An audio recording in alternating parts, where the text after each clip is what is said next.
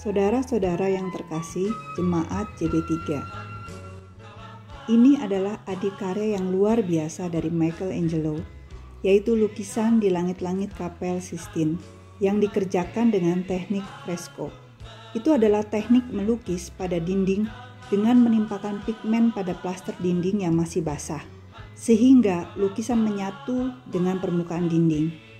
Dari tahun 1508 sampai 1512, ia menghasilkan lukisan 400 tokoh serta 9 adegan kitab kejadian. Pekerjaan yang berat ini membawa dampak pada fisik Michelangelo. Penglihatannya menjadi terganggu dan tubuhnya mengalami penuaan dini.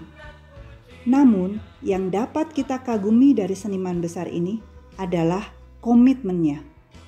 Komitmen membuat seseorang bermental petarung karena berani menetapkan sasaran dan membayar harga sampai menyelesaikan suatu pekerjaan dan mencapai garis akhir. Paulus berani menyatakan tentang dirinya di 2 Timotius 4 ayat 7. Aku telah mengakhiri pertandingan yang baik.